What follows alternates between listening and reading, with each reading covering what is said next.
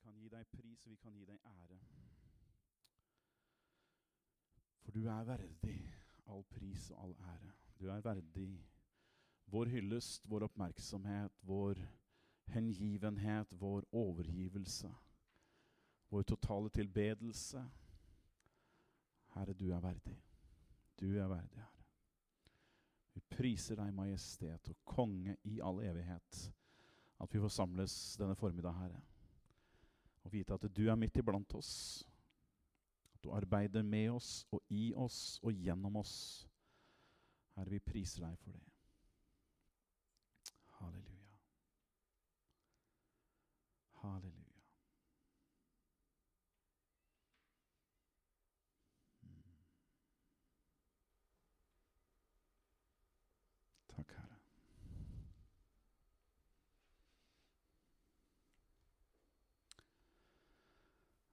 Amen og amen. Godt å se dere, godt at dere er her. Vi eh,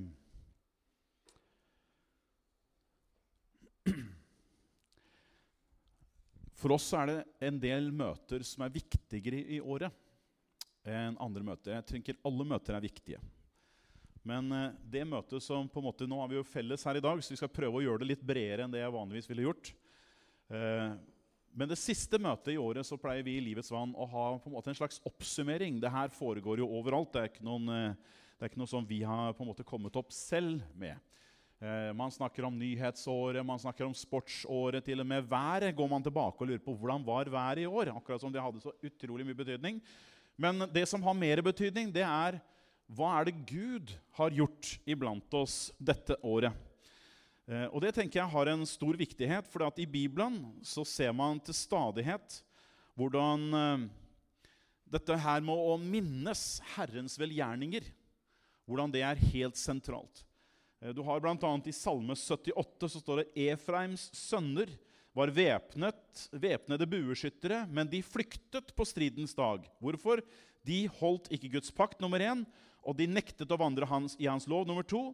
Og de glemte hans gjerninger og hans under, som han hadde latt dem se. Så det å glemme Herrens velgjerninger, det å ikke ta til seg og ta med seg det som Gud gjør, det er en av grunnene til at vi taper i hverdagen. For Gud griper inn i våre liv for å gi oss disse minnespunktene om hva Han gjør. Og Derfor så pleier vi å ha en sånn liten årskavalkade for vår del. For når vi tenker menighet i Livets vann, så tenker vi at der bygger man sten på sten. Eh, det er mange ideer og tanker om hva er en menighet. Både ut ifra Bibelen så snakker man om at menigheten er en eh, brud. Man snakker om at menigheten er et legeme. Og det finnes en hel rad med forskjellige eksempler på hva menighet er. I tillegg så har vi dette her at vi lever i en tradisjon. Vi lever i en norsk tradisjon. Og der har man også en forståelse av hva menighet er. Og mye av vårt det kommer jo ut ifra det lutherske bakgrunn. Og så har vi vår pinsebakgrunn, og vi identifiserer oss med det. At det som pinsemenigheter så har man en helt annen tenkning rundt menighet enn det Den norske kirke har rundt det med menighet. Eh, I tillegg til det så har man kulturer. Eh, og I Betania så har man blitt velsignet de siste årene med mange nye kulturer. Og De bærer også med seg en tenkning rundt det med menighet. Og For å være helt ærlig så har vi som eh, har min farge, eh, utrolig mye å lære fra andre kulturer. Som er mye flinkere på det å bygge den sosiale biten, som er mye flinkere på å bygge relasjoner, enn det vi nordmenn har lett for å gjøre. Vi er liksom oss selv nok på mange måter og liker å gjøre ting på vår måte.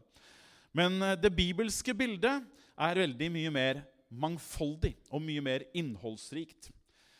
Eh, og Når vi tenker menighet, så tenker vi at hver eneste søndag det er som å bygge Lego, der man bygger bit for bit, og der hver søndag er særdeles viktig. Denne søndagen så er det på en måte en sånn avslutning der man setter på plass noe av det man har bygd gjennom året. Man får det hele bildet. Akkurat som når du legger et puslespill, så har du liksom, nå legger du den siste biten og ser at yes, det stemmer jo ganske greit. Så de første søndagene også i året, de første tre søndagene hos oss er vesentlig, for da snakker vi om hva er det Gud legger ned i vårt hjerte for dette året? Hva er 2020? Hva vil det bære med seg? Det bruker vi tid nå for oss å søke Herren om Gud. Hva er det du ønsker å gjøre? For det er det vi ønsker å drive med det er neste året. Det er å holde på med det Gud holder på med. Det er å være opptatt med det Han er opptatt av. I 2019 så har vi hatt et ganske interessant ord. Det er ganske spesielt når man ser på de skriftstedene. Og Her kommer dere i Betania til å kunne nyte godt av eh, på en måte den, eh, de skriftstedene og den teknikken som har vært her, for her er det mye bra å hente. Uh, og det er generelt uansett. Men for oss så har det vært veldig vesentlig. Vi tok utgangspunkt i Johannes-evangeliet. Og i kapittel 4 så sier Jesus noe ganske interessant. Vers eh, 34-38, men vi skal spesielt henge oss opp i 35. 34-38. Jesus sa til dem, 'Min mat er å gjøre Hans vilje, som har sendt meg, og fullføre Hans gjerninger.' Sier ikke dere, det er ennå fire måneder før høsten kommer. Se, jeg sier dere, løft øynene deres og se på markene. De er allerede hvite til høsten. Og den som høster, får lønn og samler frukt til evig liv, slik at både den som sår og den som høster, kan glede seg sammen. For her er dette ordet sant. Én sår og en annen høster. Jeg sendte dere ut for å høste det dere ikke har arbeidet for. Andre har arbeidet, og dere har gått inn i arbeidet deres. Flere store, viktige sannheter i dette avsnittet her. sånn. Vi bare peker på Herren som sier, som oppsummerende, min mat er å gjøre Hans vilje som sendte meg, og fullføre Hans gjerning. Det er en tilfredsstillelse som Jesus snakker om her, i det å fullføre, det å gjøre Guds gjerning. Og jeg tenker Det løfter hverdagen vår til et helt annet nivå. Vi lever ofte i vår daglige rotterace der vi løper fra jobb og hjem og jobb og hjem. Og vi har lett for oss å glemme at Gud har kalt oss inn i en mye større sammenheng. Dette her er ikke et ord som bare Jesus sier om seg, men han sier dette også i den forstand at han er et forbilde og viser oss vei i det å fullføre Guds vilje, det å gjøre Guds vilje. Og han sier at det vil være en tilfredsstillelse å leve i den eh, fullførelsen og i det å leve i dette. Og Så kommer vi inn på dette med perspektiver, og det har vært vårt ord for dette året. Perspektiver. Altså det å se ting fra forskjellig vinkel. Dere sier, sier han først, det er ennå fire måneder til høsten. Men jeg sier dere, løft øynene. Det er allerede klart. Når du og jeg jobber sånn som her i Norge, der det virker som om det er lenge til man har en innhøstning, så har man lett for å miste motet. Og Vi ser det i Menighets-Norge veldig tydelig, at man mister motet. For man ser vi har arbeidet og vi har jobbet og vi har stått på, og vi har ikke hatt den innhøstningen som man hadde forventet. Og Da er det lett å miste motet hvis man ikke har det rette perspektivet. For vi tenker da ja, det er vanskelig i Norge. Det er utrolig krevende å jobbe i dette landet her sånn. Men så sier Jesus hm, jeg har en helt annet perspektiv. Jeg har et helt annet bilde. Løft blikket, for se, markene er allerede hvite til høst. Og For meg og for oss så har det her vært særdeles vesentlig. Gud, hva er det du ser som ikke jeg ser her? I vårt område som vi arbeider, Gud, hva er det som vi går glipp av? Fordi at vi ser på det naturlige. Vi lever jo tå så fullstendig overopptatt av den synlige verden her i vår vestlige del av verden. Der det er det materielle, det konkrete, det synlige, det rasjonelle. Det er det avgjørende og det styrende for nesten alt som vi gjør. Mens når du kommer over i andre kulturer og Det er derfor jeg er så beriket av disse som kommer med en helt annen kultur inn til vårt land. De har nemlig en helt annen forståelse. Der, de, der, vi ser det materielle, det konkrete, det rasjonelle, så ser de det spirituelle, det åndelige. Og hvilken verden er mest reell? Jo, du og jeg vi vil si ved vårt vestlige tenkning jo, det er jo selvfølgelig den materielle, det man kan se og ta og føle på. Det er det vi er opplært i vårt vitenskapelige tenkning. Men vår vitenskapelige tenkning den holder ikke mål i det hele tatt når det gjelder det å erfare Gud. For der er det ikke vitenskapen og det rasjonelle som teller. Der er det troen som gjelder. Og det er ånden som gjelder. Det er åndens verden og Guds verden som teller. Derfor så må du og jeg ha et helt annet perspektiv. Vi kan ikke leve ut ifra de rasjonelle prinsippene i Guds rike, for der gjelder ikke de i det hele tatt. De gjelder i denne verden, og i denne verden så er de til stor hjelp for oss. Men når det gjelder å erfare Gud, så har Gud satt det vise til skamme. Og han har tatt bort det som du og jeg i Vesten setter vår fulle lit til. Og så har han sagt Gud er ånd, og de som tilber ham, tilber ham i ånd og i sannhet. Det er en helt annen dimensjon, et helt annet perspektiv, en helt annen forståelse.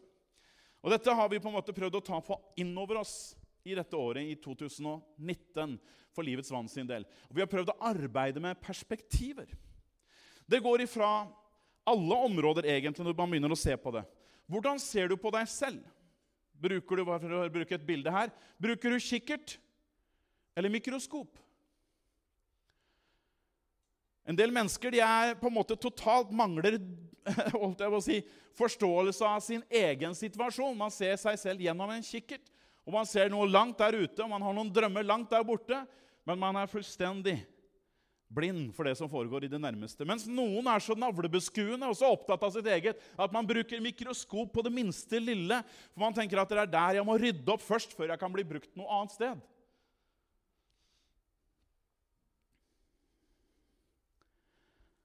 Definerer vi oss i en perspektiv? Definerer du deg ut ifra skapelsen eller ut ifra syndefallet? I Norge så sa jeg vi lever i verden, et, et, et, et, kristenbilde, et kirkebilde, som preges av Den norske kirke. Og Det er ikke noe negativt i det. Man må bare være klar over at i Den norske kirke så bærer man preg av syndefallet. Man definerer seg ut ifra syndefallet. Meg, arme synder. Det er min identitet som synder daglig i tanker, ord og gjerninger. Og dette er min identitet, dette jeg lever ut ifra. Og man har bekjennelsen samtidig synder og rettferdig. Som jeg tenker er en utrolig schizofren situasjon. Og ikke en bibelsk situasjon. Jeg tenker at Hvis man ikke definerer seg ut ifra syndefallet, men ut ifra skapelsen, så får man en helt annen forståelse. Når jeg definerer meg ut ifra skapelsen, da definerer jeg meg ut ifra det faktum at jeg er skapt fordi Gud ville det. Ja, jeg har syndet som alle andre. Vi har alle syndet. Det er Bibelen. Men det er ikke min identitet. Som en ikke-troende, ja, så er det din identitet. Men den dagen som du tar imot Jesus Kristus, så sier han da er du ikke lenger slave. Du er ikke lenger under syndens trelldom. Da er du hellig, rettferdig for Gud.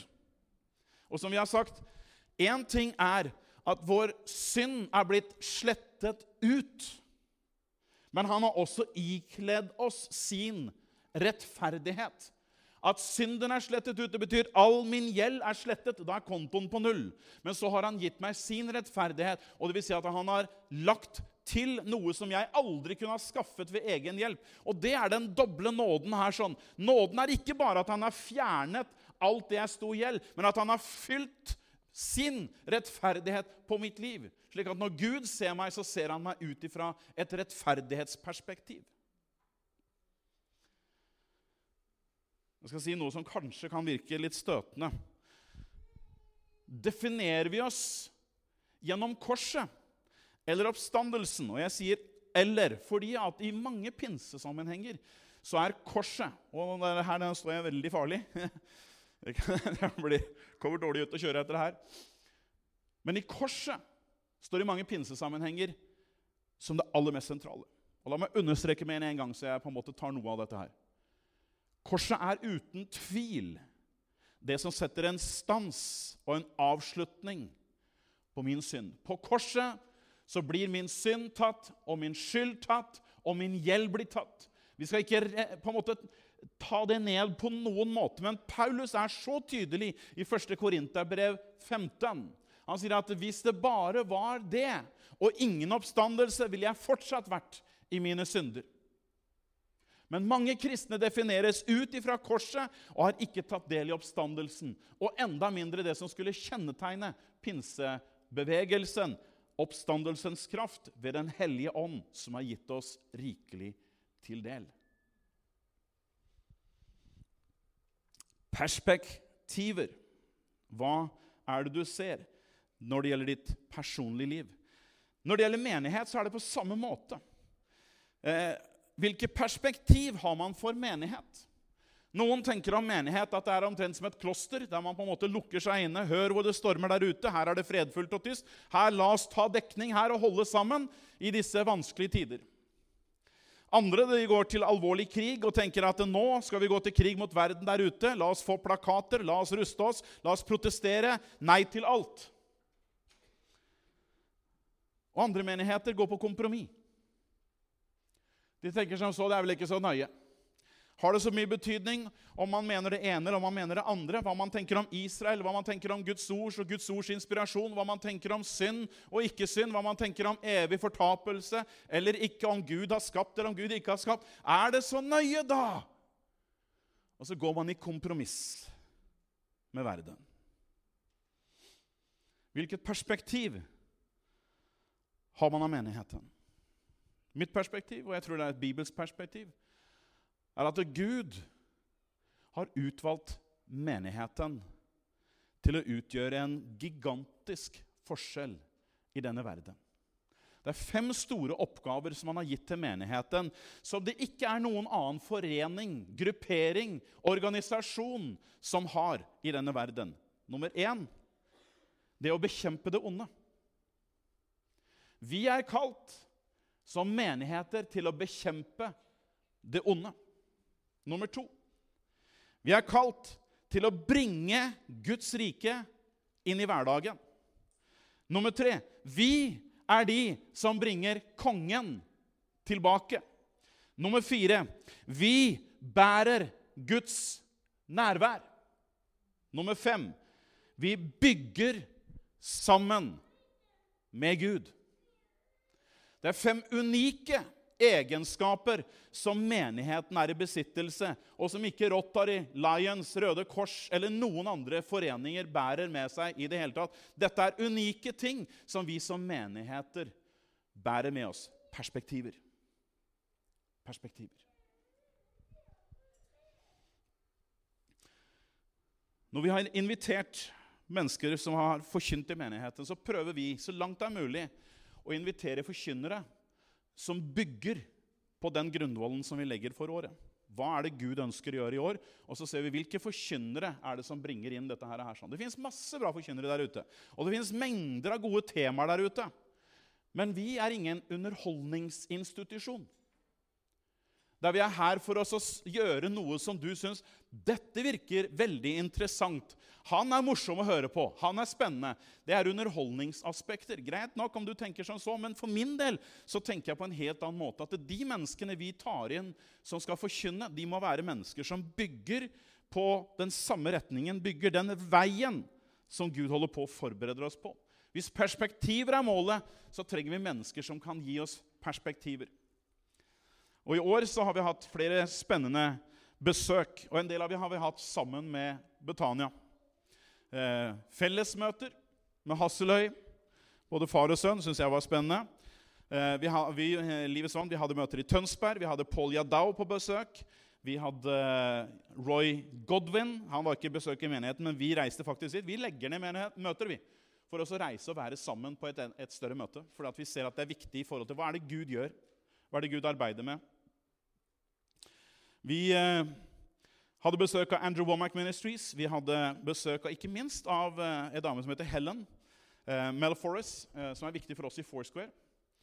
Som var med oss å sette en del av våre på en måte, familierøtter på plass. Og så har vi hatt kanskje det største perspektivet for 2019.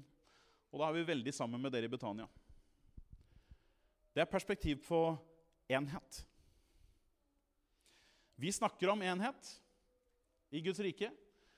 Og Johannes 17 kommer stadig, og vi må være, vi må være ett, og vi må være ett. Og vet du hva? Det er egentlig bare overfladisk prat. før man virkelig begynner å arbeide med hvordan skal enhet se ut. Mange tenker la oss rive alle kirkebygg og la oss bygge en svær hall der alle samles. Er det enhet? Er det det som er enhet? Hva mener Gud når han gjennom Jesus sin bønn i Johannes 17 taler om enhet? Betyr det at vi alle er pepperkakemenn, lagd i den samme form, ser helt like ut? Eller betyr det noe mer? Hva er perspektivet på enhet? Hva er det Gud ønsker å gjøre? Og jeg tenker at Den situasjonen som vi står i nå, som Livets Vann og Betania, i 2020 kan hende og la meg kanskje, kan hende jeg tar munnen for full, men la meg kanskje si det slik. Jeg tror at det vi står overfor, kan være noe helt unikt i Norge. Menigheter slår seg gjerne sammen. Og jeg sier i min matematikk 1 pluss 1 blir fortsatt 1. Det er ikke noe imponerende å slå det sammen. Det er enkelt. Det betyr egentlig bare at din ene eller den andre eller begge to kapitulerer og sier at nå gir vi opp, vi slår oss sammen. La oss bruke de små piltene vi har, og så slår vi det sammen. Og så er det ikke noen plan, ikke noen mening, ikke noen hensikt. Man tenker bare at ja, men det blir jo bedre jo flere vi er, jo mer vi er sammen, jo bedre det blir. Det er ikke, det er ikke teologi. Det er en populær sang. Jo mer vi er sammen, jo gladere vi blir. Det er, det er ingenting som tyder på at det er tilfellet. Men jeg har sagt at målsetningen vår i forhold til å jobbe sammen med Betania er at én pluss én skal i hvert fall være to. At vi har to kirker under samme tak, det må vi kunne klare. Å kunne se hvordan kan vi som to kirker jobbe under samme tak. Og dere har vært så sjenerøse, så hjertelige og velkomnende at jeg virkelig tar av meg hatten og er virkelig så ydmyk, og det føler vi hele menigheten. hvordan Måten dere har tatt oss imot på, har vært en utrolig sjenerøs måte. Og Det gir meg håp og det gir meg tro på at Gud kanskje gjør noe dypere i den relasjonen. her. sånn. Målet mitt er ikke at dere skal slå seg sammen, men målet mitt er at én pluss én skal faktisk være tre.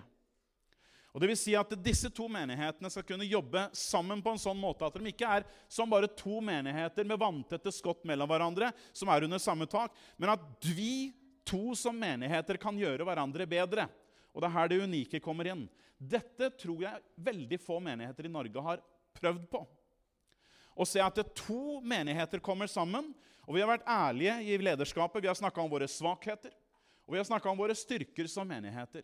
Og så har vi ut ifra det snakka om Gud, hvordan kan vi bli bedre sammen enn hver for oss? Og Det tror jeg er et pionerstykke. Og det er jeg veldig spent på i 2020, hvordan Gud skal løse den saken der. For jeg har ikke noen løsninger på det. det tror jeg ikke Fernando har heller. Men vi søker Gud inderlig sammen. For vi tror at Gud holder på med noe her som er veldig spesielt. Og det er ikke sikkert at det er bare oss som skal være med på dette. her. Det kan godt hende at det er flere av menighetene her i Bamble som skal tenke sånn. At det ikke er alt samling under ett tak, men at vi faktisk tenker hvordan kan vi når vi begynner å få ting til å fungere i Livets Vann Betania sammen, virkelig og begynner å se styrken av dette her, så kan det hende at uh, Den norske kirke i Langesund for eksempel, sier at du, vi hadde trengt hjelp til det og det. Allerede så gjør vi i Livets Vann en del av disse tingene her. Vi har en av våre lydfolk. Han er stadig der nede og hjelper dem i Frelsesarmeen. Eh, hos oss det er stadig med og hjelper i Frelsesarmeen. Når vi begynner å se på hvordan kan vi gjøre Guds rike større og sterkere i dette området som vi bor, da tenker jeg da er vi inne på et spor.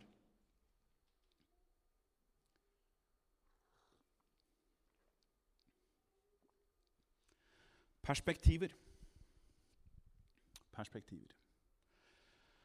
Jeg syns 2019 har vært et utrolig spennende år. Gleder meg til 2020. Er i bønn for tiden, har vært i bønn en god stund i forhold til å be og søke Gud. og Det samme gjør lederskapet vårt i, menigheten. Og si at Gud, hva er det du skal gjøre nå i 2020? Hva, hva, er det han tenker for dette året? Og Jeg ønsker å legge det litt inn over deg. At du er virkelig og søker Herren. For hva er det Gud ønsker å gjøre i dette 2020? Hva er det vi som to menigheter kan gjøre bedre sammen enn hver for oss? Hvordan kan disse to menighetene demonstrere den enhet som nettopp Jesus ber om i Johannes 17? Hvordan kan vi demonstrere den enheten enda tydeligere? Slik at mennesker fikk en sånn uh, tilbakemelding på på en, sånn, på en sånn webside vi har, der, en, der, vi fortalte om vi skulle flytte hit. Og der på en måte vedkommende sier ja, men kan dere ikke bare slå dere sammen. liksom? Tror dere ikke på det samme? Men som jeg har forklart, jeg tror ikke det er målet. Men jeg tror at enhet er målet. Enhet er målet. Så vi har sett Guds hånd, vi har sett Guds arbeid i 2019. Vi har fått perspektiver, vi har sett på unådde folkeslag i livets vann. Vi har snakka om fake news. Altså hva er det media formidler? Hvem er det vi tror på? Er det de der ute, eller er det det som Bibelen sier? Det er sannheten, Jesus' sannhet, som setter oss fri. Og De siste to søndagene jeg prekte, så snakka jeg om Guds lys og Guds glede. Igjen andre perspektiver. Der Gud taler om lyset, og han taler om glede. Andre perspektiver over vår tilværelse. Himmelske Far, vi takker deg for at vi får lov til å ha sett hvordan din hånd har vært tydelig blant oss i det året som har vært. Herre, vi er takknemlige for at du griper inn i vår hverdag, Herre. Vi er stadig forundret over at du har invitert oss til å være med deg, der du kunne gjort ting på din måte og alene uten vår hjelp. Allikevel så har du invitert oss til å være med i både såmannsarbeid og innhøstningsarbeid. Og Herre, der du har satt oss til å ha en særdeles viktig funksjon på denne kloden, Herre. I det skapermandatet som du la ned i mennesket fra begynnelsen av. Herre, vi takker deg. Vi takker deg. For det du har gjort i 2019, så ber vi at du åpenbarer for oss det året som ligger foran, Herre. Hva har du i tanke, Herre? Hva er det som ligger foran, Herre? Du kjenner det året som ligger foran, og du kan forberede våre hjerter allerede her og nå. I den tid som vi lever, Herre. Vi takker deg for det. Istandsett oss, du, Herre, til det som ligger foran. Vi ber i Jesu navn.